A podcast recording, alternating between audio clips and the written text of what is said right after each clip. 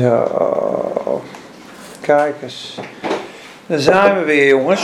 Geweldig. Live, loopt die? Ja, die loopt. Die loopt.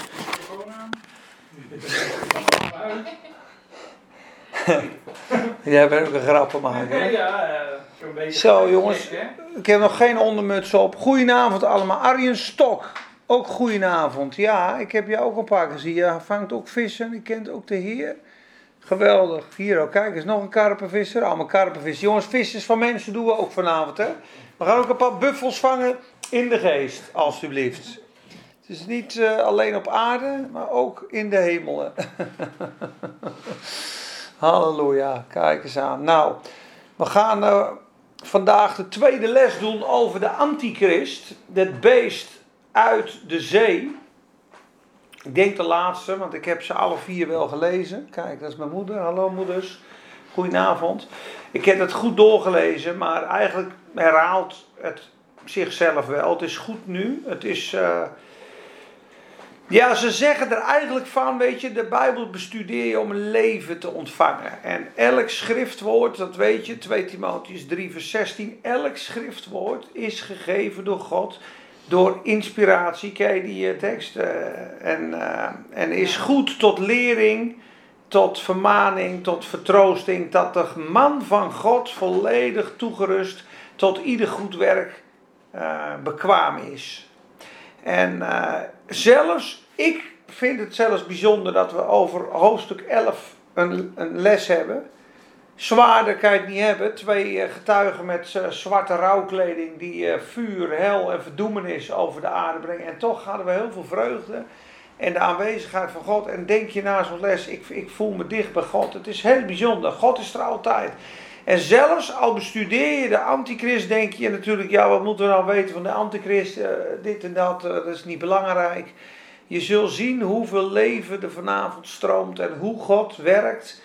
Zelfs door onderwerpen waarvan je op het eerste ogenblik denkt, hmm, trekt me niet zo aan. En eh, daar bidden we ook voor, voor een zegen, wat Jezus gezien mag worden. Want uiteindelijk, hoe groot en hoe schrikbarend en hoe machtig die antichrist ook in de ogen van de mensen van de wereld is. Dankjewel jongen, hartstikke bedankt. Halleluja. Van de wereld is dan eh, hoe groot God is. Zonder hand wordt hij gebroken. Alleen met de glans van zijn aangezicht maakt hij die, die, die, die antichrist eh, gewoon aan stukken. Terwijl hij is, we zullen vanavond zien, eh, briljant intellectueel. Een, een man van donkere raadselen, die raadsels zal verstaan. Hij zal wonderlijk handelen. Hij zal zelfs de sterren van de hemel, de, de, de engelen, met, met zich meerukken en zelfs nog dingen bewegen. Dat is heel heftig. De hele wereld zal zeggen: wie is als hij? Wie kan strijden tegen hem? Hij zal machtig zijn. Sterker nog, zegt hij: als je de geest van God niet hebt, word je verzwolgen door hem. En daarom heb ik ook zo'n eh, zorg over de mensen. De mensen, want hij sta, er staat straks: hij zal hen grijpen in stille gerustheid. Als ze allemaal super relaxed leven, niks aan het handje, dan gaat hij ze overweldigen. En ze herkennen hem niet. Wij gaan hem vandaag zien, zijn strategie, hoe die te herkennen is. En wat er allemaal over hem geschreven is. Daniel heeft het niet voor niks opgeschreven. Daniel 8. De Heer vond het blijkbaar belangrijk om de vier hoofdstukken aan te werk wijden in Daniel. En 2 Thessalonicense 2 zal ik je exact vertellen dat Paulus Daniel 11 aanhaalt die zich verheft en in de tempel gaat zitten tegen alles wat God genaamd wordt. En zichzelf als een God. Is, dat is Daniel 11. Dus het is echt essentieel om dit ook te bestuderen. En we beginnen in hoofdstuk 13 straks. We gaan zo eerst bidden. Dan gaan we hoogstwaarschijnlijk naar Daniel 8. En dan denk ik dat we afsluiten in 2 Thessalonicense 2. En dan gaan we zien, jongens, hoe de Satan bezig is en dat wij nu op dit moment zitten. Het mysterie van ongerechtigheid werkt al reeds. Daar zijn wij nu gewoon in de kalender van de aarde, durf ik te stellen. Zijn komst, die met tekenen en wondertekenen en bedrieging is en witchcraft, Wiens komst is naar de werking des Satans in allerlei bedrog en list en leugen.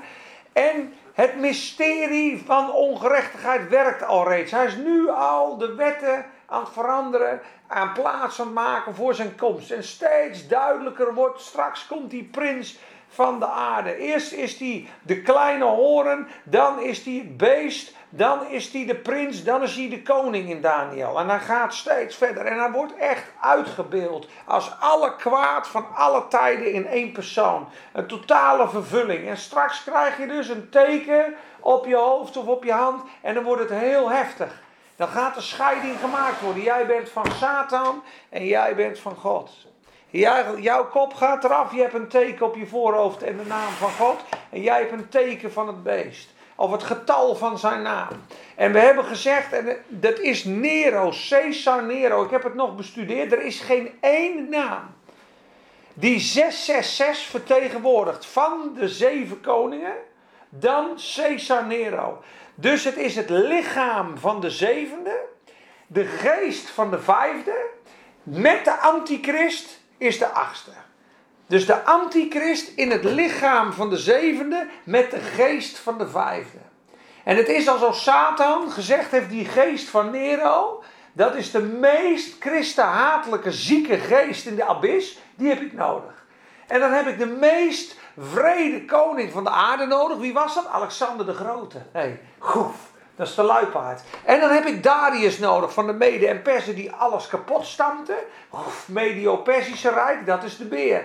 En dan hebben we de leeuw, dat is Nebukadnezar.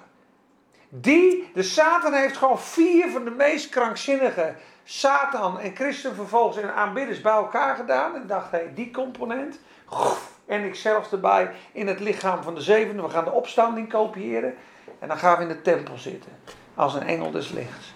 Nou, het zal zelfs zijn, zegt Matthäus 24, als God de dagen niet inkort, wordt geen vlees behouden. Maar indien mogelijk zouden zelfs de uitverkorenen misleid worden. Zoveel wonderkracht en zoveel satanische werking heeft hij, dat als Gods geest in ons niet die alarmbellen afdoet gaan, dan zouden we zeggen, ja, maar ja, hij, hij, eh, ja, hij spreekt geheimenissen, hij doet openbaringen.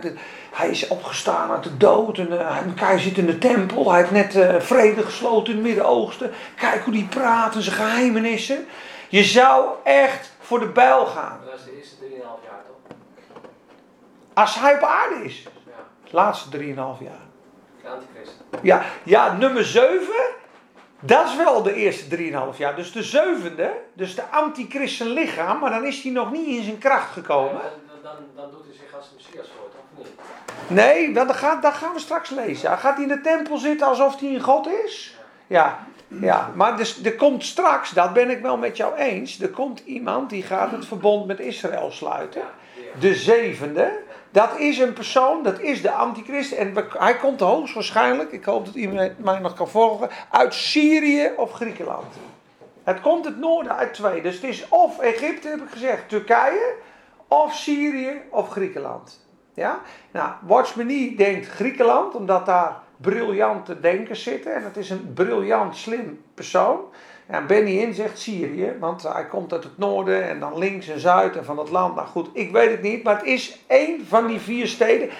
Hoogstwaarschijnlijk leeft hij nu al. Ja? Dus het kan ook Bashar al-Assad zijn van Syrië, die zich straks uh, op het. Maar ik denk het niet, want het gaat een persoon zijn die inderdaad de vrede gaat sluiten. En slim zal zijn, maar die wordt dus vermoord, gedood. Zijn wond was dodelijk en zijn wond herstelde, hoofdstuk 17.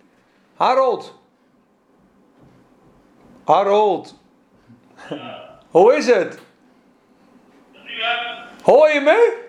Ja. Al mooi dat je luistert. Maar je microfoontje staat nu aan, dus ik hoor je een beetje lopen. Zou je straks die microfoon even uit kunnen zetten? Oh, ik zal hem even uitdoen, Peter. Top, fijn dat je luistert, man. Oké, jongen. Heb je Bijbel voor je? Ik zal even pakken. Oh, dat is top. Johan Koelewijn komt er ook aan. Ting, dingeling, dingeling, dingeling. De muziekstudio. Wil je nog een gitaar, een piano of een zangles? La la la la la la la. Hoe is het, maat? ja, maar in ieder geval, laten we beginnen. Peter Tijger, halleluja. Oh, Jelmer, hoe is het?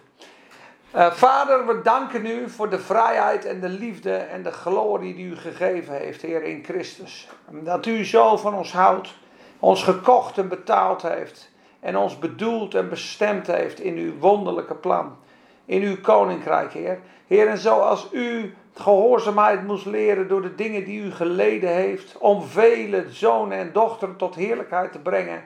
Heer, zo weten wij, Heer, dat wij in u veilig zijn, maar dat wij ook, Heer, lezen in dat woord. In de wereld zult gij verdrukking hebben, maar hebt goede moed, ik heb de wereld overwonnen.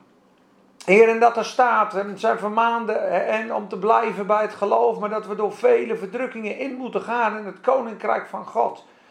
Maar gelukkig lezen we dat Paulus zegt, we roemen in die verdrukkingen. Want zij werken in ons volharding uit en hoop. En hoop maakt niet beschaamd, omdat de liefde van God uitgestort is in onze harten. Vader, wij bidden dat u ons leert en opbouwt en zegent vanavond. Heer, in het woord van God. Heer, want we hebben ook angsten en zorgen en menselijke tekortkomingen. Heer, uh, ja, eigenaardigheden. Heer, misschien worstelen we met zonde of met minderwaardigheid. Of zijn wij uh, bang of zorgelijk voor deze tijd. Heer, en dat mag. Dat mag, Heer. We mogen dat bij u neerleggen. Heer, maar ik denk niet dat het de bedoeling is dat we erin blijven hangen.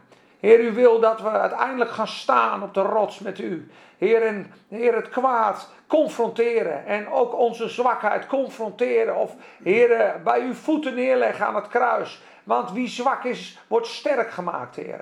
Heer, en u komt en wordt onze kracht, Vader. Heer, u maakte onstabiele Petrus een rots. Heer, u maakte de zonen van de donders. Maakte u apostelen van genade, Heer. Heer, en een kerkvervolger maakte u een apostel van genade en liefde. O Heer Jezus, we bidden zo'n zegen op vanavond. We breken weg ieder juk. We breken weg, Heer, elke macht en kracht die niet uit u is. En we bidden dat u ons hart zal aanvuren en dat geloof en blijdschap de boventoon hebben. Heer, dat uw overwinning en uw opstandingskracht en uw volharding en uw glorie ons deel zal zijn vanavond, Heer. Heer, open de schriften met ons. Leid ons door uw geest. Was ons in uw bloed. Salf ons met uw olie. Heer, dank u dat het leven zal voortbrengen. Dank u dat het vrucht zal voortbrengen. Dank u dat uw woord heilig is en gezegend, Heer, en levenbrengend. Heer, dank u wel dat de leugen geen stand houdt in uw licht. Heer, en we bidden zo, Heer, dat onze zorgen en onze vragen beantwoord worden, Heer.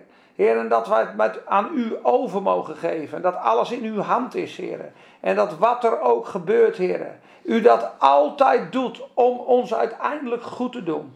Heer, want u heeft een plan dat uw glorie in ons gezien gaat worden, Heer. Heer, u heeft een plan dat wij het kwade overwinnen door het goede, Heer. Heer, en die weg van het koninkrijk is de onderste weg.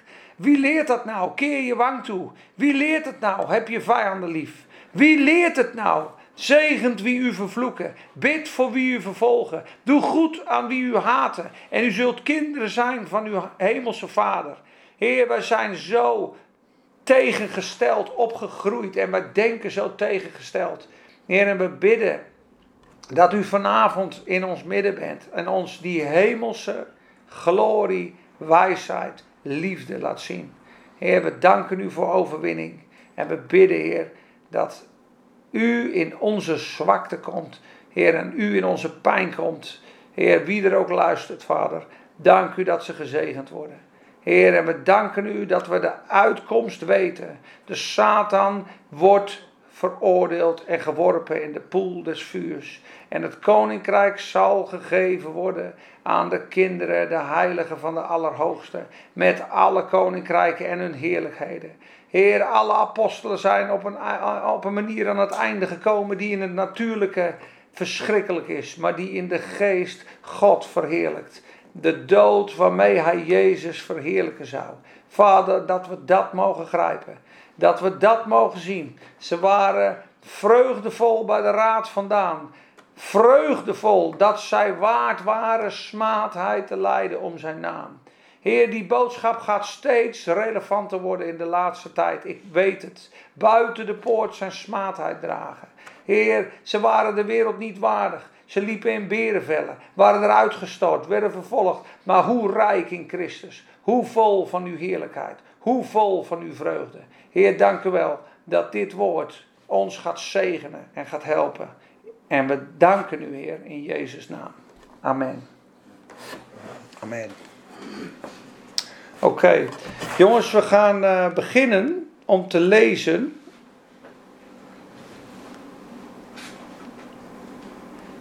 In vers 11. Openbaring 13, vers 11. En we waren vorige keer gestopt bij vers 1 tot 10. Nou, het merkteken besproken hebben, gaan we waarschijnlijk nog wel een keer op inzoomen. Dat de draak op de aarde was geworpen, hebben we ook gekeken de week ervoor. En uh, ja, ik begin uh, even kijken. Hmm. Nee, ik begin niet in 11, sorry. We gaan nog een keer uh, 1 tot 10 lezen. Dit is, dit is natuurlijk de tweede les over het beest van de zee. En volgende week komen we bij de beest van het land. Sorry. Ja, sorry jongens. Openbaring 13, vers 1. En ik zag uit de zee een beest opkomen. Dat zeven koppen en tien horens had. En op zijn horens waren tien kronen. En op zijn koppen een godslastelijke naam. En het beest dat ik zag leek op een panter. En zijn poten waren als die van een beer. En zijn muil was als de muil van een leeuw. En de draak gaf hem zijn kracht, zijn troon en grote macht. En ik zag een van zijn koppen als dodelijk gewond. Maar zijn dodelijke wond werd genezen. En de hele aarde ging het beest met verwondering achterna. En zij aanbaden de draak, omdat hij aan het beest macht gegeven had. En zij aanbaden het beest en zeiden: Wie is aan dit beest gelijk? En wie kan er oorlog voeren tegen hem? En het werd een mond gegeven om grote woorden en godslasteringen te spreken. En het werd macht gegeven om dit 42 maanden lang te doen. En het opende zijn mond om God te lasteren, om zijn naam te lasteren en zijn tent en hen die in de hemel wonen. En het beest werd macht gegeven om oorlog te voeren tegen de heiligen. En om hem te overwinnen. En hem werd macht gegeven over elke stam, taal en volk.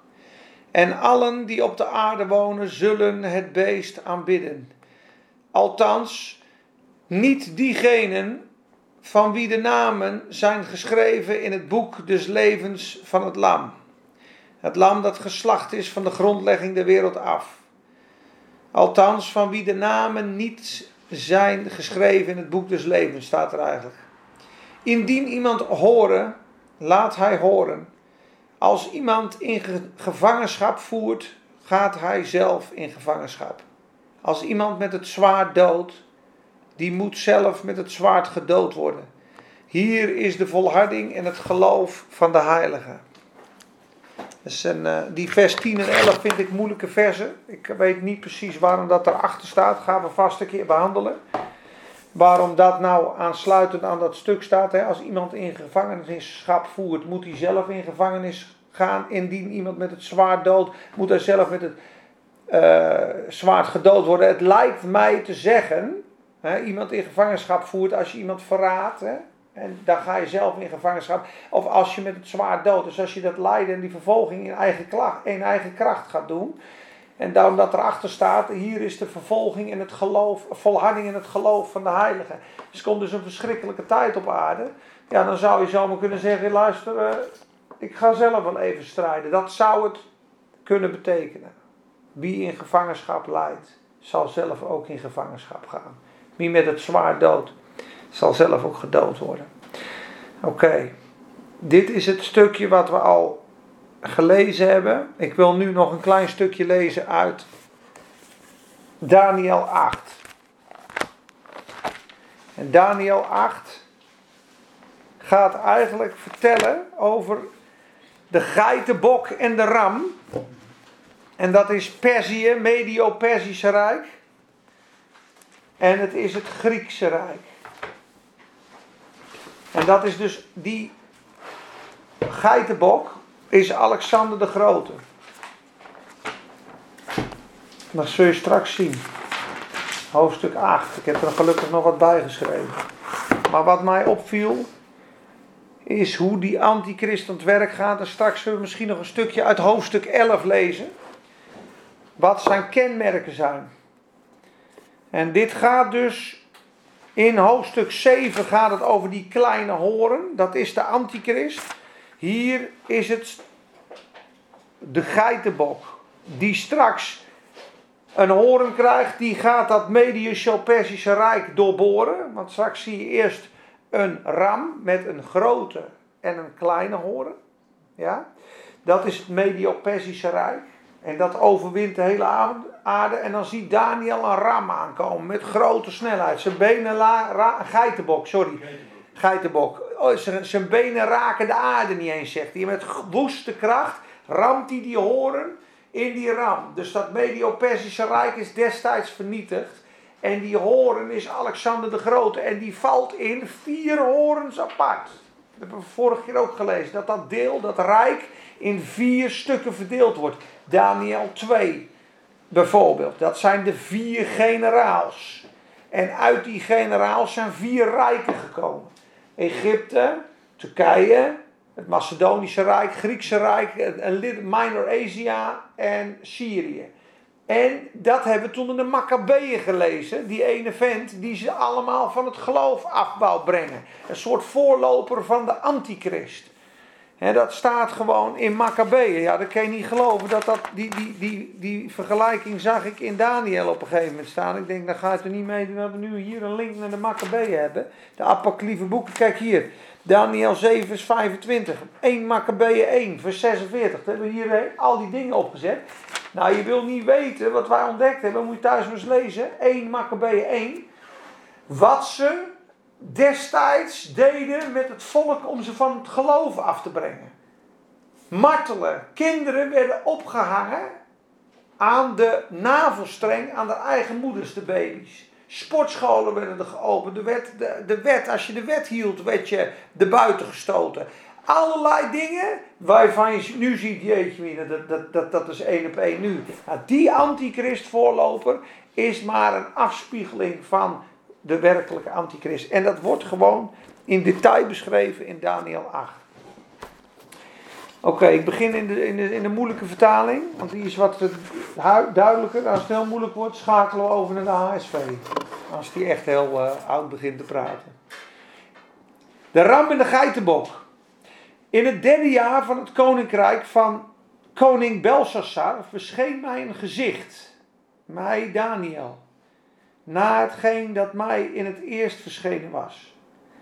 En ik zag in een gezicht, het geschiedde nu dat ik het zag toen ik in de burcht van Susan was, welke in het landschap Elam is. Ik zag dan in een gezicht, in een visioen, dat ik aan de vloed van Ulai was. En ik hief mijn ogen op en ik zag en zie een ram stond voor de vloed. En hij had twee horens. En die twee horens waren hoog. De ene was hoger dan de andere. En de hoogste kwam in het laatst op. En ik zag dat de ram met de hoornen tegen het westen stiet. Hoe staat dat hier? Stoten. Is wel mooier, hè? Stiet dat rot. Ja. Naar het noorden en naar het zuiden. Geen enkel dier kon tegen hem stand houden. En er was niemand die uit zijn macht kon redden. Hij deed naar zijn eigen goeddunken en maakte zich groot. Ik bleef opletten en zie, er kwam een geitenbok aan vanuit het westen. Over heel het aardoppervlak. Zonder de aarde aan te raken. De bok had tussen zijn ogen een opvallende hoorn. En hij kwam tot bij de ram met de twee horens die ik had zien staan voor het kanaal. En schoot met zijn grimmige kracht op hem af. Ik zag hoe hij, vlak bij de ram gekomen, zich tegen hem verbitterde. De ram een stoot gaf en zijn beide horens brak. In de ram was geen kracht om tegen hem stand te houden. De bok wierp hem tegen de grond en vertrapte hem. En er was niemand die de ram uit zijn macht kon redden. De geitenbok maakte zich uitermate groot, maar toen hij machtig geworden was, hij is ook maar 32 geworden, volgens mij Alexander de Grote. Hij is of 32 of, of 36 of 35. Nero is 32 maar geworden. Alexander de Grote is ook jong overleden. 35 of 36 maar. Moet maar eens nakijken. En hij was zeer sadistisch ook. Net als Nero. Very in, uh, insanely cruel staat er. Hoe die was, Alexander de Grote. De grote hoorn brak af. En in plaats daarvan kwamen vier opvallende overeenkomstig de vier windstreken uit de hemel. Dat zijn die vier rijken uit Griekenland ontstaan. Uit één ervan kwam een kleine hoorn tevoorschijn. Uit één van die rijken. Zie je, hier komt de antichrist weer. Dus we weten vanuit Daniel dat de geschiedenis leert dat uit het Griekse rijk van Alexander de Grote vier generaals zijn ontstaan. Kees, hoe is het maat? Wil je wat zeggen? Ja, goed vriend. maar dat is dus bijzonder. Uit het Griekse Rijk zijn vier generaals ontstaan. Ja? Syrië, Egypte, Turkije en Griekenland. Ja? Griekenland, Syrië, Egypte, Turkije. Die vier rijken. Uit die vier rijken komt de kleine hoorn. Dat is heel duidelijk. Dus uit een van die vier landen komt de antichrist. Zoals Niels net zegt, dat is eerst de antichrist in kleine kracht. Hij doet wel dingen, hij praat in raadselen, maar zijn volle kracht krijgt hij pas als hij die opstanding nadoet. Want Satan gaat de opstanding kopiëren van Christus.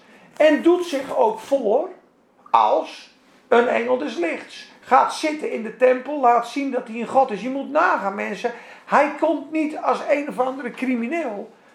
De Joden gaan denken dat het de Messias is. Die gaan een verbond met hem sluiten. Je moet nagaan, hij heeft zich getransformeerd als een engel des lichts. Dus hij zal super geestelijk, super, misschien wel super liefdevol, misschien wel super vredig, misschien wel een Corrie ten Boom houding. Ja?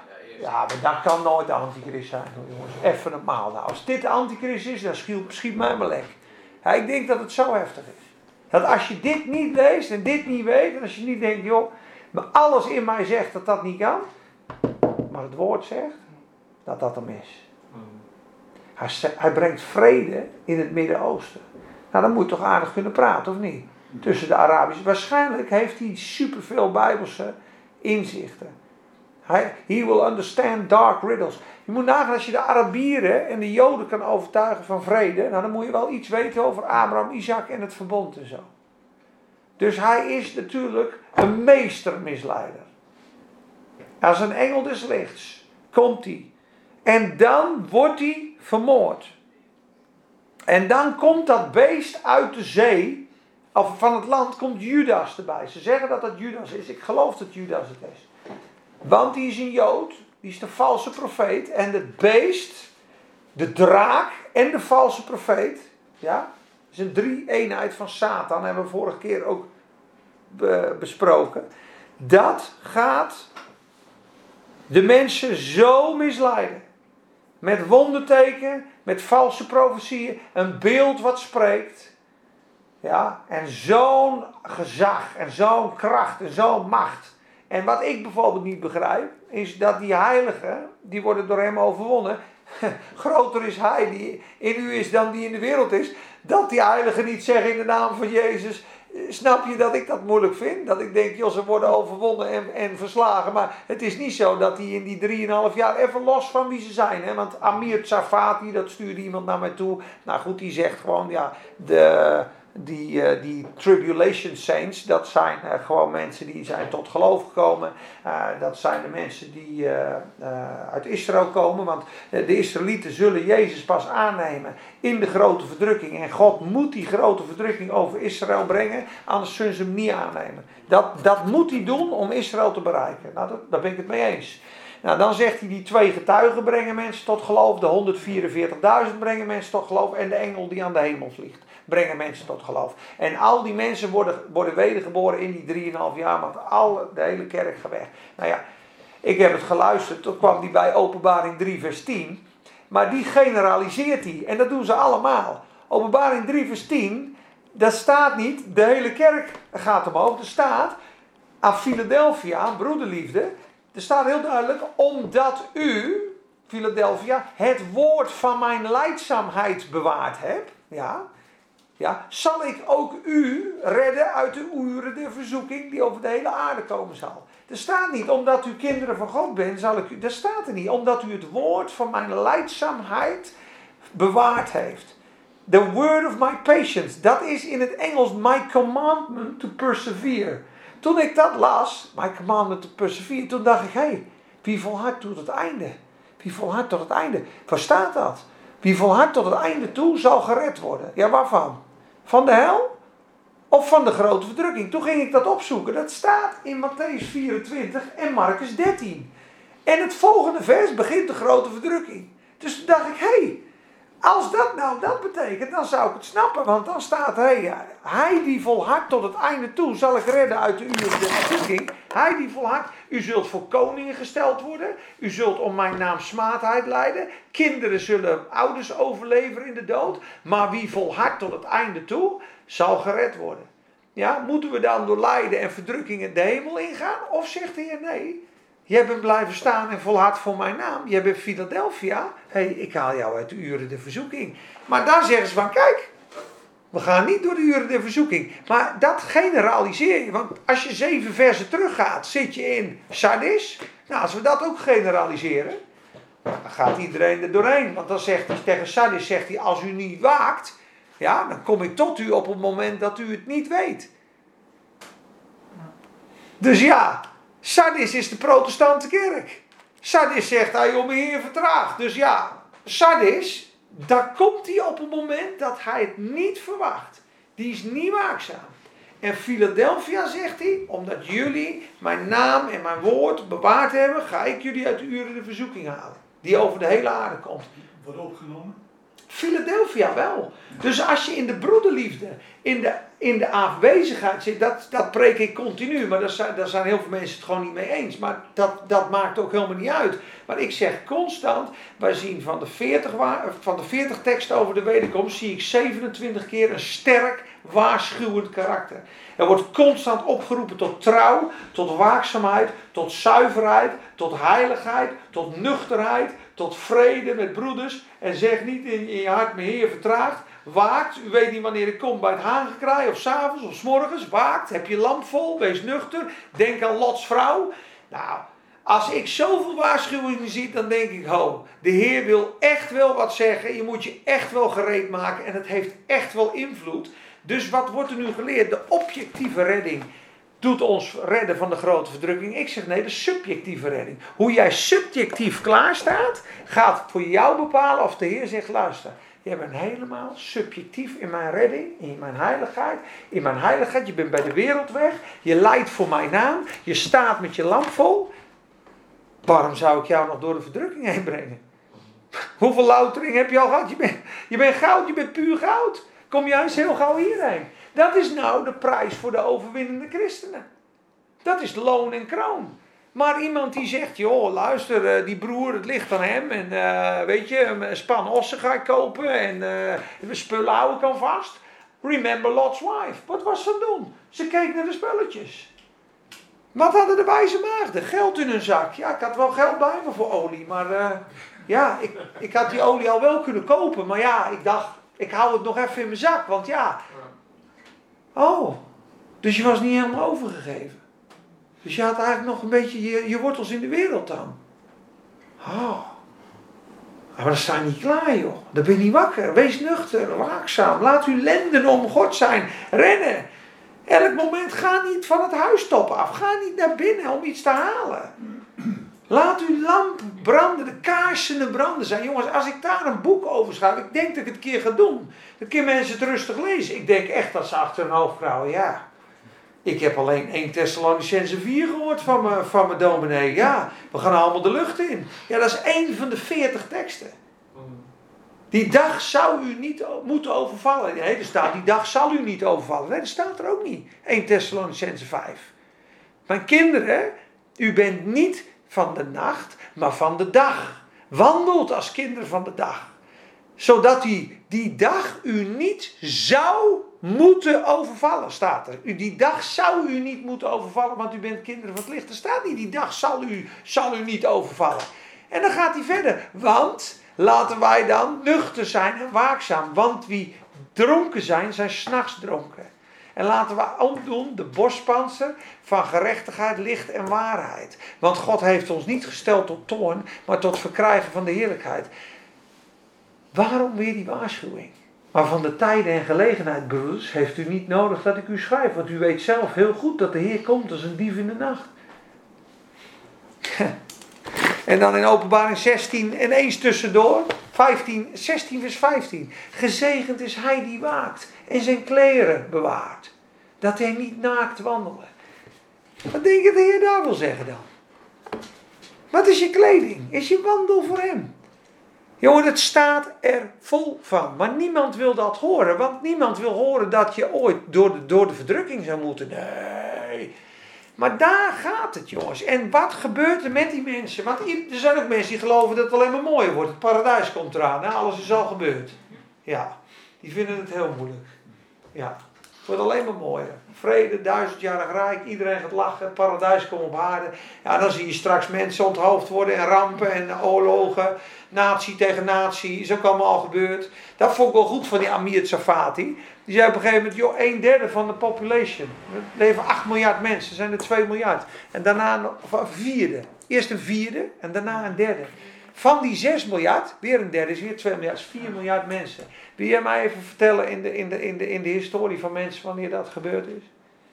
En wanneer er zijn de aardbevingen geweest dat de aarde als een boekrol en het bloed, dat het water bloed geworden is en de bomen en de zon en de maan en een derde. Jongens, word wakker. Word wakker. Dat zijn de oordelen die gaan komen.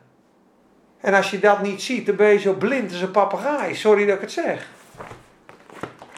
Kijk, en dat is die, dat noemen ze sugar-coated teaching of the, of, of the, de, de, de wederkomst. Sugar-coated teaching. Alleen maar goed nieuws, alleen maar terugkomst. Je hoeft je niet klaar te maken, er is geen misleiding, nee hoor, er is geen afval. Moet eens kijken wat er straks staat. Hier staat dan afval, hè, de afvalligen. Staat in 2 Thessalonicenzen ook. Het komt niet, hij komt niet voordat het eerste afval is. De afval van de waarheid. Velen zullen het geloof uh, tot ziens uh, blijven straks. Waarom? De prijs is te hoog. Dat had ik niet afgesproken. Maar we zaken eraan, dit eraan. Ja, Jezus, ik vind het allemaal wel goed nou. Uh. Ja, dat gaat straks getoetst worden hoor, wie, wie, wie, wie is. En dan blijven er misschien maar weinig over mensen hoor, net als bij de twaalf. Weet je nog? Toen wilden velen zijn discipelen niet meer zijn. Moeten jullie ook niet gaan? Ja, waar moeten we heen dan, zei Petrus. Nu hebt de woorden van eeuwig leven. Maar goed, dat was even een terzijde. Ik vind dat altijd wel mooi, de terzijdes. De kleine horen uit de vier generaals. Ja? We gaan in de normale vertaling lezen. Ik word een beetje moe van die andere, zeg ik heel eerlijk. Het is wel heel zwaarmoedige taal, hè? Ja, het is wel zuiverder. Ik vind het aan sommige stukken echt leuk en fijner. Maar het leest niet lekker weg. Oké, even kijken. Maar toen hij machtig geworden was, brak de grote hoorn af. Vers 8. Daniel 8, vers 8. 8, vers 8. En in zijn plaats daarvan kwamen er vier opvallende. Even, even overeenkomstig de vier windstreken. Kijk, vers 9. Uit één ervan kwam een kleine hoorn tevoorschijn. Die uitzonderlijk groot werd naar het zuiden toe, naar het oosten toe en naar het Sieraadland toe. Dat is natuurlijk Israël. Hij werd groot tot aan het leger van de hemel. Van dat leger, namelijk van de sterren, liet hij er sommige ter aarde vallen en vertrapte ze. Dus dat is echt wel heel machtig. Hij maakte zich groot, ja, tot aan de vorst van dat leger, God zelf. En het steeds terugkerende offer werd deze, aan deze ontnomen en zijn heilige woning nedergeworpen. Zie je dat? Dus het is ook weer in Daniel 9. Dat gedurige offer is als de tempel herbouwd wordt. En ik denk wel eens, volgens mij is het niet moeilijk te herkennen. Want de tempel wordt straks herbouwd. Er wordt een verdrag gesloten. Zouden dan bij ons niet alle alarmbellen moeten rinkelen en zeggen: luister, volgens de Bijbel komt de Heer en de verdrukking een beetje zo rond de over 3,5 jaar. Misschien dat Daniel dat bedoelt van joh, uh, zalig is hij die nadert tot 1290 dragen. Of die haalt tot 1335, dat snap ik ook niet. Maar het lijkt bijna te berekenen te zijn, jongens. Als straks een verdrag gesloten wordt, je herkent die antichrist-tempel wordt gebouwd, dan ga je bijna denken, jongens, uh, nu wordt het wel, hè, nu komt het wel heel dichtbij. Toch? Die ligt er klaar. Naarmate gij de dag ziet naderen. Scherpt elkaar op tot liefde en goede werken. En verzaakt de bijeenkomsten niet. Dat gaan we straks krijgen, jongens, hè, dat woord. Straks gaat die weer komen, hoor, die lockdown. Mogen we niet open, jongens? Ja, ja, ja. Maar Jan, Koopmans. Ja, Jezus moet altijd toestemming vragen aan Marjon Koopmans of hij op zondag zijn werk mag doen. Ja, dat is ongelooflijk. Hij is ondergeschikt aan haar ook. Ja, ik ben ambassadeur van Jezus en van zijn koninkrijk. Maar ik, ja, ik ga eerst naar het aardse koninkrijk en overheid en dan vraag ik of, of dat mag. Of Jezus en de Heilige Geest ja, mensen mogen aanraken en zegenen en zo. Dus ja, en Hugo de Jonge en, en ja, bedoel, ja. En elke godsvrezende D66-persoon, ja, vraag ik ook aan. Ja, mag Jezus, uh, ja? Zou het mogen? Mogen de Bijbel openen, denk je, of niet? Hè? We moeten onze onderlinge bijeenkomsten niet verzaken naarmate gij de dag ziet naderen. Staat erachter. Dus je ziet straks de dag naderen, de vervolging neemt toe, de ongerechtigheid neemt toe, de afval neemt toe. En het, wat de wereld nodig heeft is zout en licht en mannen en vrouwen die net zo staan als de vrienden van Daniel die zeggen wat buigen. Never buigen. Hou mijn kop eraf. Nooit buigen, die houding moeten we hebben. Met het sissy geloof. We mogen weer, als we weer mogen. Als we weer mogen. Zodra je moet. Zolang je moet mee mogen. Je moet samenkomen. Zijn opdracht. Jongen, jongen, wat een slappe hap zeg. Quit yourselves like man, staat er. Hugo de Jonge. Goshimani jongens. Hou op zeg. Wat is, ik heb gebeden hè. Ik heb gebeden wat voor een, het is 1 koning 21, hè, twee Belial-zonen die de brief aan het volk verkopen. Ik heb gebeden gewoon jongens. Het zijn verdorven lieden. Moet je kijken met die mondkapjesdeal. Even serieus. Ja, ik heb maar mailtjes gestuurd van mijn privécomputer. Hij gaat naar de kerk als een domineeszoon. Hij zit diep in de verdorvenheid. En die man gaat bepalen of wij samenkomen. Houd toch op, joh. Ja. Ik wind me even op voor de Heer, mensen. De meeste vraagt het, hè? Ja, ja, ja, je was ervoor. Perfect! Deze keer ben ik ervoor. Amen. Het is toch te gek voor woorden, jongens. Amen. De heilige woning. En het leger werd overgegeven vanwege de afvalligheid tegen het steeds terugkerende offer. En hij wierp de waarheid ter aarde. Kijk eens, die moet je even onderstrepen. Wat doet, de, wat doet de kleine horen? Hij wierp de waarheid ter aarde. Ik ga jou straks laten zien uit 2 Thessalonicenzen wat ik geloof, wat de kracht is en wat de persoon is die hem tegenhoudt. Ga ik jou straks laten zien. Hou dit in gedachten. Hij wierp de waarheid ter aarde. Hij deed het en het lukte hem ook nog. Toen hoorde ik een heilige spreken. En een heilige zei tegen de ongenoemde die sprak. Hoe lang zal het visioen van het steeds terugkerende offer en de verwoestende afvalligheid gelden? En hoe lang zal zowel het heiligdom als het leger overgegeven worden om vertrapt te worden? En er zeiden tegen mij tot 2300 avonden en ochtends. 2300. Hoeveel dagen? 1260 is die 3,5 jaar. 1260 keer 2. Je kan goed rekenen, Ariaan. Hoeveel is dat? Ongeveer ruim 6 jaar. De, nee, 1260 dagen is 3,5 jaar. 25, 20. 25, 20. hè? Nee, ja, precies. 25, 20. Zeven jaar. Zeven jaar. Maar hij zegt hier, tot 2300 avonden en morgens zal het heiligdom in rechten hersteld worden. Dus dat is ook weer een zin. Bedankt eh, Jean-Paul.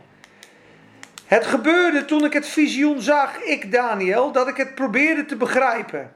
En zie, er stond iemand voor mij met het uiterlijk van een man. En ik hoorde een stem van een mens, grote M, tussen de oevers van de Oelai. Hij riep en zei, Gabriel, laat deze het vi- visioen begrijpen. Dus we krijgen hier, jongens, over de rijkdom van het woord gesproken. We zijn hier eventjes over de schouder van Daniel aan het meekijken.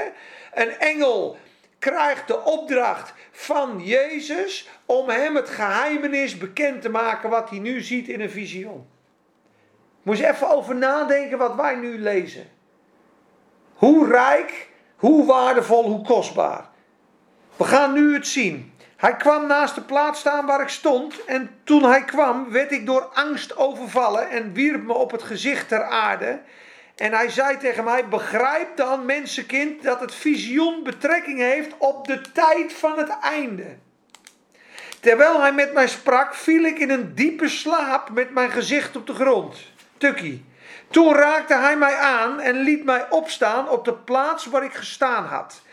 En hij zei: Zie, ik zal u laten weten wat er zal gebeuren aan het einde van deze periode van gramschap. Want op de vastgestelde tijd zal het einde er zijn. Het staat allemaal al vast.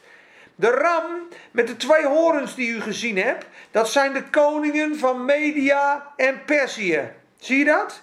Zet hem maar bij Darius. En de harige geitenbok is de koning van Griekenland, Alexander de Grote. En de grote hoorn die tussen zijn ogen zat, dat is de eerste koning, Alexander de Grote. Zet het er maar bij. En uit dat rijk, zie je, er komen de vier en die afbrak en voor vier in de plaats kwamen, zijn vier koninkrijken zullen uit dat volk ontstaan. Zonder de kracht daarvan. Met andere woorden, Alexander de Grote heeft dat niet gesticht. Zonder de kracht van die eerste, ho eerste uh, horen. Aan het einde van hun koningschap, wanneer de afvalligen de maat hebben volgemaakt, zie je hem staan hier? Bedreven in slinke stenen, zal er een meedogenloze koning opstaan. Zie je dat? Wat zegt 2 Thessalonicenzen 2? Zullen we het even lezen? Maar dan wil ik ook wel eens vragen aan mensen die zeggen: joh, we gaan allemaal uh, voor de tijd. Wil ik wel even vragen. Want dit is namelijk de tekst waar ze dan vaak niet omheen kunnen. En dan gaan ze dat woord, en dat vind ik eigenlijk een beetje vals spelen, gaan ze dat woord verdraaien wat er staat. Want ze zeggen dan dat dat een opname is. Dus er staat apostasia in het Grieks. Ja? Nou, wie weet wat dat betekent, apostasia? Weten jullie dat niet? Waarheid. Nee, dat betekent het niet. Leugen bedoel ik. Leugen bedoel ik. Leugen. Apostasia betekent afval van de waarheid. Departure from truth. Ja? En die apostates, ja, in Judas, in 2 Petrus, zijn de valse leraren. Apostates, ja, die van de waarheid doen afkeren. Dus, wat zegt Thessalonicense nu? 2 Thessalonicense 2. We hebben het hier over, hij zal de waarheid ter aarde trappen. Ja, en we hebben het over als de afvalligen vol geworden zijn. Ja, en dat is in vers 23, hè? Daniel 8, vers 23. En ik ga nu koppelen naar 2 Thessalonicense 2, ja? Dus vers 23 zegt aan het einde van hun koningschap, wanneer de afvalligen de maat hebben volgemaakt, zal er een meedogenloze koning opstaan. Beschreven, bedreven in slinkse streken. Gaan we straks verder lezen, ja? Let op, 2 Thessalonicense. En dan ga ik jullie een vraag stellen. Hier staat boven openbaring van de zoon der wetteloosheid. De mens der wetteloosheid. De Satan. Wij vragen u dringend, broeders. Met betrekking tot de komst van onze Heer Jezus Christus. En onze vereniging met Hem. Ja? Dat zien ze ook altijd overtogen. Ja, twee dingen. De komst van onze Heer Jezus Christus. en onze vereniging met hem. Er staat gewoon en tussen, ja. Dat u niet snel aan het wankelen gebracht wordt. Ja, word niet bang, oké. Nog verschrikt. Waarom? Niet door een uiting van de geest, niet door een woord en ook niet door een brief die van ons afkomstig zou zijn, alsof de dag van Christus al aangebroken zou zijn.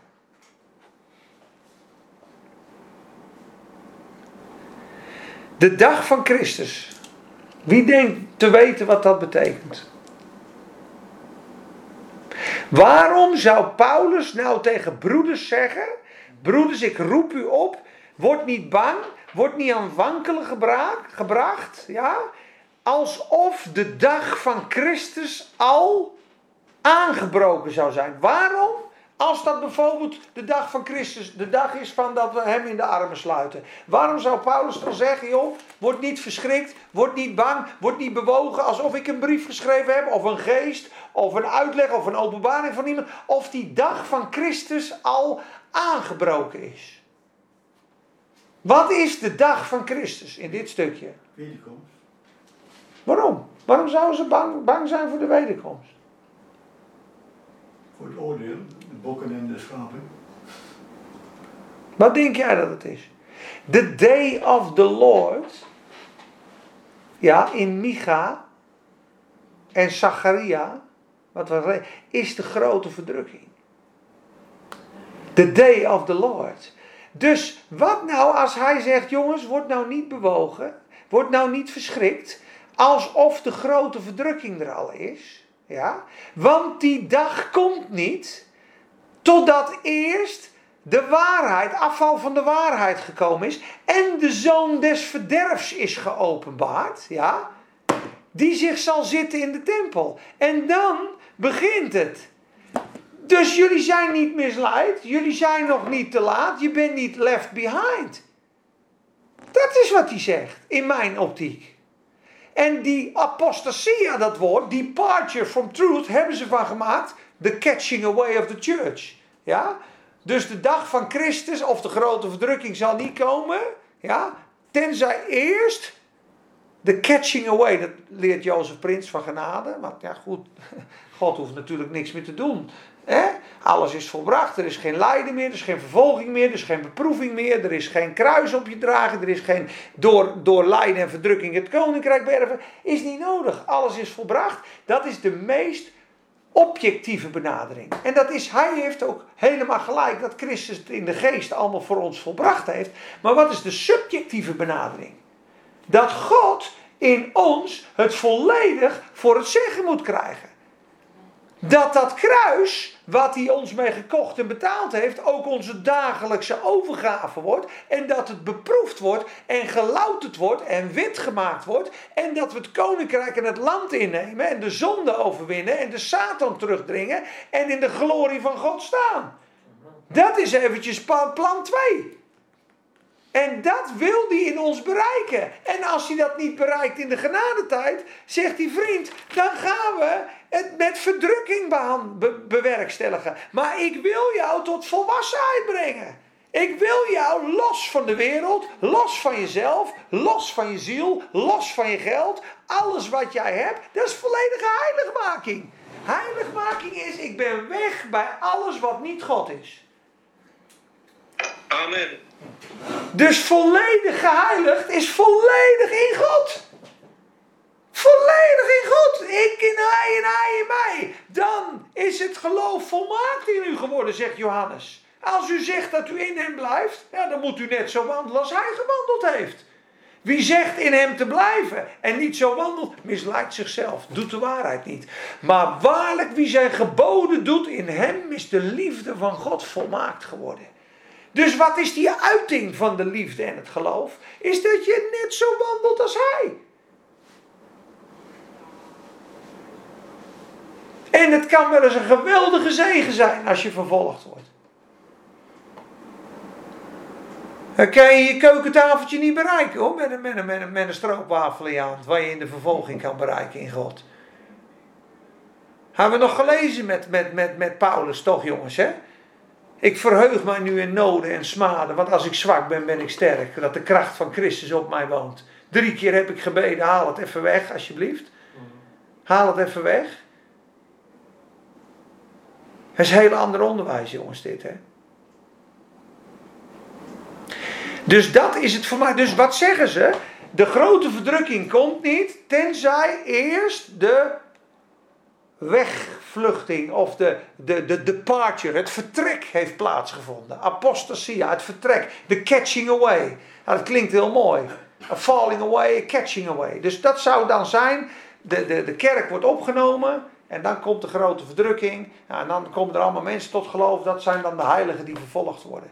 Maar apostasia is een afval van de waarheid. We lezen verder, je gaat nu het licht zien wat die Satan doet. Want wat doet hij? Hij is de mens der wetteloosheid. Wat gaat hij wegdrijven om zijn komst te doen? Hij gaat de waarheid wegdrijven. Hij gaat het recht wegdrijven. De wetteloosheid komt. Dat in die hersenen van die mensen. Daarom begint nu ook die, die, die, die gender. Ja, daarom begint nu die wetteloosheid, die afval. Zonde mag niet meer genoemd worden. Bekering hoort er niet meer bij. Dit is de wetteloosheid die begint. En dan is straks alles is goed. En kan hij in zijn volle kwaad komen. Zo maakt hij ruimte voor zichzelf. Zie je dat? En daar heeft hij voor nodig dat er leugen en list komt. Dus de grote verdrukking komt niet tenzij eerst een afval van het geloof is. Ja, en de zoon des verderfs geopenbaard. Mijn visie. Ja? We gaan straks verder lezen en dan zeggen ze, joh, wat hem nu tegenhoudt, weet u. Maar als dat wat hem nu tegenhoudt uit de weg genomen is, dan zal die geopenbaard worden. Zeggen ze, ja, zie je, dat is de gemeente. Dat is de gemeente. Nou, we gaan het lezen. Ga maar kijken hoe het staat. Is er een helemaal geen opname? Tuurlijk wel. Tuurlijk is er een opname. Wanneer dan? Er is een vroege opname en er is een late opname. En hun geloven dat ook. De eerste opname is voor alle gelovigen, zeggen ze. En hier haalt de Heer de bekeerde mensen op van de grote verdrukking. Dat, dat is een uitleg, dat is prima.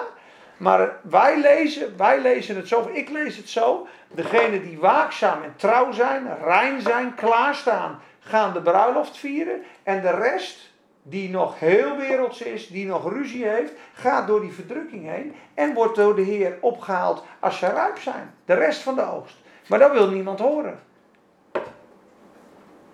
Want God zou dat niet doen, maar de jonge christen laat hij er dan wel in. Snap je? Dus het is een beetje kromme, kromme leer. Want het zou mij wel, ik zou dat wel geloofd, als iedereen die in de grote verdrukking tot geloof zou komen, gelijk omhoog zou schieten. Daar heb ik het geloofd.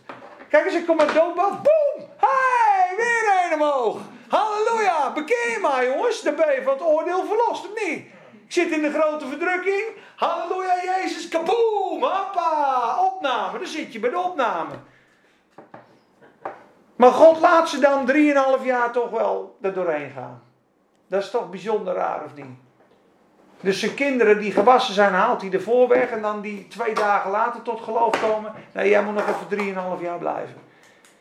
Ja, misschien is dat ook een soort van karakter. Of echt, eh ja, misschien zit je echt in de race. Ja, maar dat is dan toch ook met degenen die hier niet waakzaam zijn. Die laat hij toch ook in de race. En dan zou, het, dan, dan zou ik het begrijpen. Maar als iedereen omhoog gaat en hun moeten blijven, dan begrijp ik het niet. Maar als hun hier omhoog zouden schieten, dan zou ik het wel begrijpen. Ja. Maar goed, dat even tezijde. Het blijft, eh, het blijft iets moois allemaal. Hè?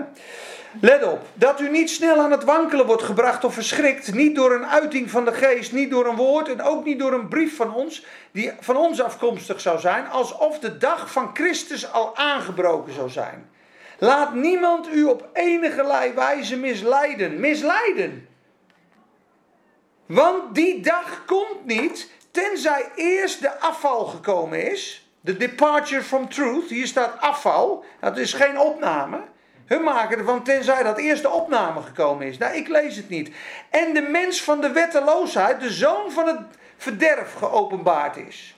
Dus, let goed op, ik ga het eventjes opschrijven. Zodra de afval van de waarheid is, komt de zoon des verderfs. Dus waarheid weg, zoon des verderfs. Onthoud dat, ja? Let op. Gaan we naar het volgende vers. De tegenstander wordt hij genoemd, die zich verheft boven al wat God genoemd of als God vereerd wordt, zodat hij als God in de tempel van God gaat zitten en zichzelf als God voordoet. Herinnert u zich niet dat ik u deze dingen zei toen ik nog bij u was? En nu weet u weet wat hem nu weerhoudt, opdat hij op zijn eigen tijd geopenbaard wordt. We hebben net gelezen, hij gaat de waarheid teniet doen. Er komt een afval van de waarheid en dan wordt hij geopenbaard. Als ik dan zeg, u weet wat hem weerhoudt, wat weerhoudt hem dan? De waarheid. Let maar eens op, hou eens vast, waarheid. Moet je eens opletten wat je nu gaat lezen. Ik heb het namelijk een keer gebeden toen ik deze zin las. En wat u, en u weet wat hem nu weerhoudt. Toen ik dat las, toen dacht ik, hé, hey, de Thessalonicenzen weten dit. Ik weet het niet. De, de commentaren die ik lees weten het niet. Dat is toch raar, heer? U zegt in de Bijbel tegen de Thessalonicenzen, u weet wat hem tegenhoudt. Zegt hij vol vrijmoedig. Ik denk, nou, laat maar dan even zien wat dat is. En ik zeg het, en die vier waarheden komen zo met z'n vieren, zo 10 centimeter omhoog, zo twee keer zo. Die vier zo.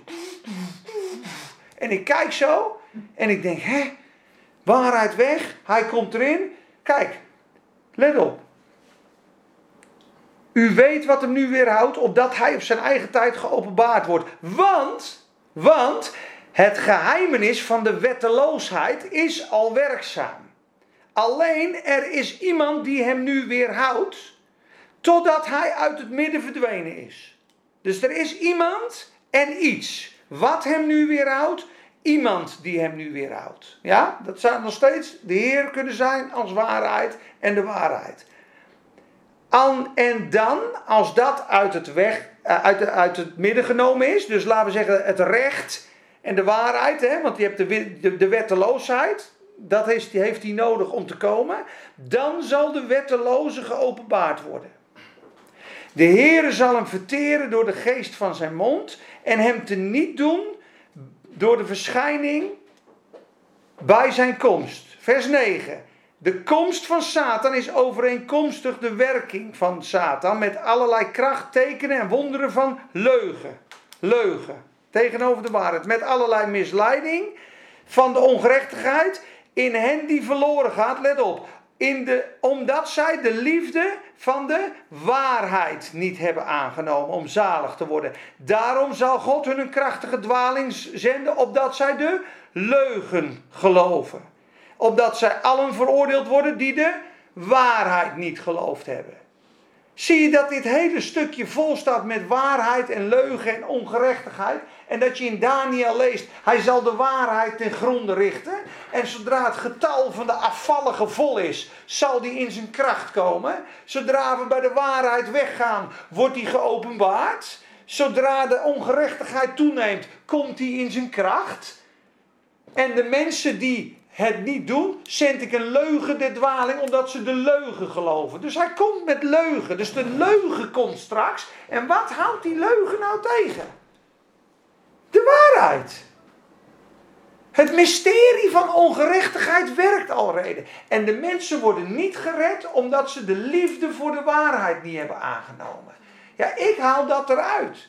Ik zag die waarheid, waarheid, waarheid omhoog komen en het maakt sens. Het maakt voor mij sens. De Satan kan zijn werk pas doen als hij alle mensen betoverd heeft met die leugen. Als hij ze allemaal heeft laten geloven en wetteloosheid en weggebracht heeft bij het rechte, lichte waarheid. En dat weer wederstaat hem. Dan weet je ook in vers 7 daar is dat woord iemand. Maar we hebben het ook in de grondtekst opgezocht. En het is niet per se iemand. Ja. Het kan ook het zijn. Ja, ja. Ja, alleen er is Iets. iets wat hem nu weerhoudt totdat hij, totdat dat uit het midden verdwenen is. We hebben het nagekeken. En inderdaad dat iemand en die hij. Dat, eh, dat is eigenlijk... eh, eh, hij zei het. Dat betekent het woord eigenlijk. Dus het is niet per se iemand. Snap je? Het kan ook het zijn. Los. Maar het kan ook bijvoorbeeld eh, de rechtspraak of zo zijn. Rechtspraak ook. Zeker, want ik heb, ik heb in deze Bijbel gezet eh, eh, het recht en de waarheid. Waarom? de wetteloze komt. Het mysterie van wetteloosheid werkt al reeds, waardoor hij in zijn kracht komt. Dus het, het recht gaat helemaal weg. Ja. Ja, en de waarheid gaat helemaal weg. En dan komt hij. Dus hij moet het recht wegkrijgen en de waarheid wegkrijgen om geopenbaard te worden. Snap je, dat haal ik eruit. En dat zou ook be- bewijzen waarom mensen niet bang hoeven te zijn dat het al gebeurd is of dat het geweest is. Ik wil er verder over bidden. Ik zeg niet de waarheid in pacht te hebben, mensen. Maar dit haal ik er zo uit. En zeker als er daarna staat. Met allerlei misleiding van ongerechtigheid. Het recht is weer weg. In hen die verloren gaan, omdat zij de liefde voor de waarheid niet hebben aangenomen. Dus ze hebben de waarheid verworpen en gaan verloren. Daarom zal God hun een krachtige dwaling zetten, zodat zij de leugen geloven. Dus er wordt een grote leugen geïmplementeerd. En dat zie je op dit moment gebeuren. Dit is, het, dit is het mysterie van ongerechtigheid wat aan het werk is. En het recht gaat weg, weg, weg, weg, weg, weg, weg. En dan komt er eh, zeker een opname dat, dat de mensen weg zijn. De. De eerste opname. De eerste opname. Nou, laten we zeggen, de, ik, laten, we, laten we ze de vurige, eh, de vurige gelovigen noemen. Mensen met olie. De mensen met olie. De mensen die het lam volgen waar hij ook gaat. De mensen die leven in zijn aanwezigheid. Vol zijn van de geest. De mensen die bezig zijn met de dingen van het koninkrijk. Die God prioriteit gesteld hebben. Dat, dat is hoe ik het lees. En dat zou voor mij eh, ook duidelijker zijn dat al die waarschuwingen er staan. En dat je je gereed moet maken. En dat is ook wat Petrus zegt, jongens. Moet eens kijken wat Petrus zegt. Daar wij nu nieuwe hemelen en een nieuwe aarde verwachten. Waar gerechtigheid woont. Weet je wat hij erachter zegt? Hoeveel te meer moet gij dan zijn in heilige wandel en godsvrucht, bespoedigende de dag des Heren. Dan hebben we hem toch al, of niet? The day of Christ, the day of the Lord. Wat is de dag des Heren? Zullen we hem lezen in 2 Petrus 3? Want de Heer geeft antwoorden hoor. Ik heb niet voorbereid dit. 2 Petrus 3. Duidelijker kan je het niet hebben. Begin in vers 10. Maar de dag des Heren, the day of Christ. Ja, hebben we toch net geleerd dat de dag van Christus al aanstaande was. Wat is die dag des Heren? Hier staat hij. Dat is the day of the Lord. The day of the Lord is that period dat hij de aarde gaat oordelen. Snap je? Maar de dag des Heren zal komen als een dief in de nacht, in welke de hemelen met gedruis zullen voorbijgaan en de elementen brandend zullen vergaan en de aarde en de werken die daarin zijn zullen verbranden. Terwijl dan al deze dingen vergaan, hoedanig behoort gij te zijn in heilige wandel en Godszaligheid. Weer zo'n waarschuwing. Verwachtende ja, en haastende tot de toekomst van de dag. Weet je wat er staat in, het, in de grondtekst? Speeding up. Speeding up the day of the Lord. Toen zei Hein Posman, ja, dat is mooi, zei hij. Wat je daar zegt, ik begreep het zelf niet. Hij zei, dat is mooi, nu snap ik het. Hij zegt namelijk, hoeveel te meer moeten wij zijn, heilig Gods, wandelen Godsvrucht. Wij gaan weg, ja? En zo bespoedigen we de dag van de Heer. Zo kan hij sneller oordelen. Zoals Lot weg was uit Sodom, kon hij dat doen. De, ik zal niets kunnen doen zodra gij hier nog bent. Want de verschoning des Heeren was op hem. Dus Petrus zegt, als we deze dingen verwachten, dat een nieuwe hemel, nieuwe aarde komt. God gaat het allemaal oordelen. Hoeveel te meer moet je zijn in heilige wandel en godsvrucht, verwachtende die dag, ja? En bespoedigende die dag. Speeding up the day of the Lord. Dat staat er. Toen zei hij, joh, nou, nou snap ik het. En, daar sta, wat staat er dan? In verhaaste de toekomst van de dag van God. In welke de hemel door vuur ontstoken zijn en zullen vergaan. En de al elementen brandend zullen vers- versmelten. Ik krijg nu echt last.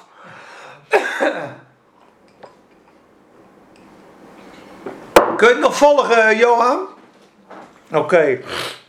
Ik zal eerst eens even in beeld zetten hier, want ik ben zo groot en jullie zijn zo klein. Nou, laat maar. Dan zullen bepaalde mensen bij de eerste opname, zullen ze die en die missen. Zeker. Dan krijg je toch zeg maar, een grote druk, nog een, tweede kans eigenlijk. Nou, je bent een kind van God, alleen God wil gewoon je tot volwassenheid brengen. Je moet bij die wereld vandaan. Snap je? Je moet bij de kerkscheuring vandaan. Je moet bij de haat vandaan. De Heer zegt eigenlijk, zegt Watchman, luister, jij houdt nog zoveel van de wereld, weet je? Blijf nog maar even. Dan word je geconfronteerd met de prins van de wereld. Zul je zien hoe de wereld in elkaar zit. Wil je daar werkelijk zijn? Ze moeten dus de Satan overwinnen. Ze moeten de overwinning hebben over de antichrist. En wij moeten de overwinning hebben over de Satan. Dat zie je ook in 1 Johannes. Mijn kinderkens, het woord blijft in u en u hebt de boze overwonnen. En er zijn heel veel christenen die hebben de boze niet overwonnen. En de wereld niet overwonnen. Dit is wat de wereld overwint, ons geloof. Snap je? En dat geloof moet beproefd worden. Daar praat Petrus ook over.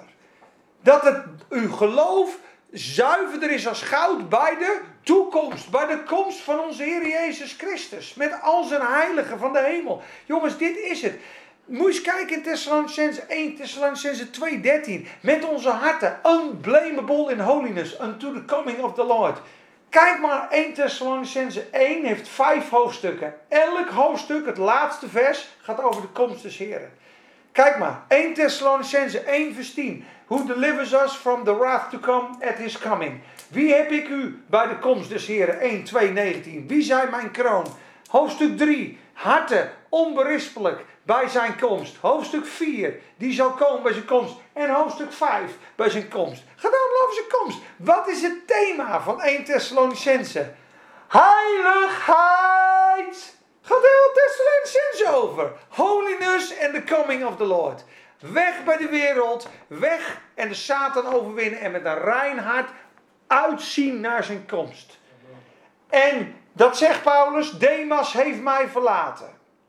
Allemaal hebben ze mij verlaten. Ik heb het geloof behouden. Ik heb de race gelopen. Voor mij ligt klaar de kroon der gerechtigheid. Die de Heere, de rechtvaardige rechter, niet de barmhartige vader, de rechtvaardige rechter, mij zal geven in die dag. En niet alleen mij, maar ook allen die zijn verschijning hebben liefgehad. Het zijn de mensen die verlangen naar God. En als je verlangen nog heel erg in de wereld zit, zegt de Heer, ga ik het iets ongezelliger voor je maken. Totdat je verlangen zo krachtig wordt, dan kom ik je straks halen. Dit is mijn visie. En ik denk dat die waar is. Maar goed. De meeste mensen denken van uh, de komst van Christus dat dat de echte wederkomst is en niet het begin van de verdrukking. Nou, maar hij komt als een dief in de nacht en hij komt, ieder oog zal hem zien. Dus hij heeft een geheime komst en hij heeft een open komst.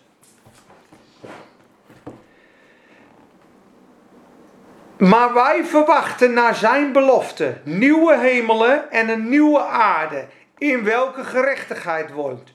Daarom, geliefden, verwachtende deze dingen, benaastigt u, doe uw uiterste best, dat gij onbevlekt en onbestraffelijk van hem bevonden moogt worden in vrede. En acht het geduld van de Heer voor zaligheid. Naar gelijke wijze als onze geliefde broeder Paulus naar de wijsheid die hem gegeven is, u lieden geschreven heeft. Over de komst des Heren gaat dit. Hè? Gelijk ook in alle zendbrieven van deze dingen sprekende. In welke dingen sommige moeilijk zijn om te verstaan. Zie je, Peter zegt het is moeilijk. Die de ongeleerde en onvaste mensen verdraaien, zoals ook de andere schriften, tot hun eigen verderf. Ga je dan, geliefde, als je dit van tevoren weet, wacht u dan dat u niet door de verleiding der gruwelijke mensen mede afgerukt wordt en uitvalt van uw vastigheid. Wat betekent dit dan, jongens? Dat die hele wereld meegeslingerd gaat worden en dat je standvastig moet blijven. Dat het helemaal gaat schudden. Dat God een nieuwe hemel gaat maken. En dat hij zegt, jongen, benaastig je om onbevlekt onbestraffelijk en in vrede van hem gevonden te worden. Heer, ik heb geen ruzie. Heer, ik zorg dat ik recht voor u sta. Heer, ik zorg dat ik rein ben. Ga maar maar zeggen dat het niks uitmaakt. En dit is de leer der apostelen. En Peter zegt, Paulus schrijft dit in al zijn brieven. Waarvan dingen moeilijk zijn te verstaan. Maar acht nou dat geduld dat hij nog niet terugkomt als zaligheid. Waarom? Omdat de Heer ons moet losmaken van de wereld.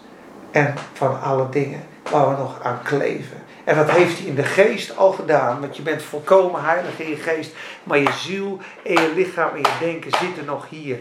En hij moet ons verlossen van die wereld. Want de wereld wordt geoordeeld. Snap je nou dat er staat, mijn volk, kom uit haar vandaan. Dat je geen deel hebt aan haar zonde. En ook ontvangt van haar plagen. Ja. Dat is ander, ander, andere koek, hè jongens. Dat is een andere koek. Ik denk dat ik zo ga stoppen, want anders wordt het zo lang, hè. Twee Thessalonicense.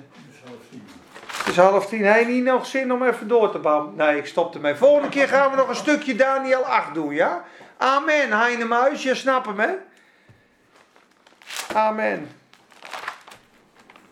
Even kijken. Zal ik, ik zal nog twee, drie versen lezen van Daniel 8 en is afgelopen. Laat ik dat maar doen. Even de laatste versen van Daniel 8. Waarom?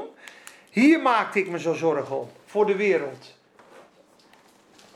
Aan het einde van hun koningschap, gaat het goed? Welke, welke Daniel 8 vers? Daniel 8, vers 23.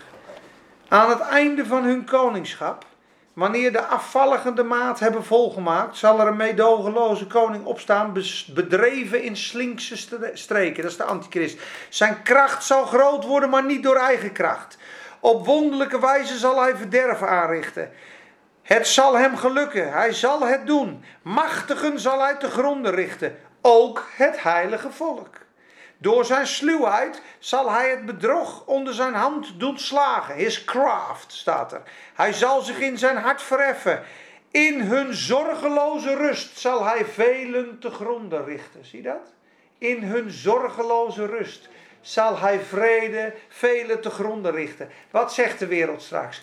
Eindelijk rust en vrede. Staat dat niet in Thessalonicense? Zodra zij zeggen eindelijk rust en vrede, overkomt hun een plots verderf.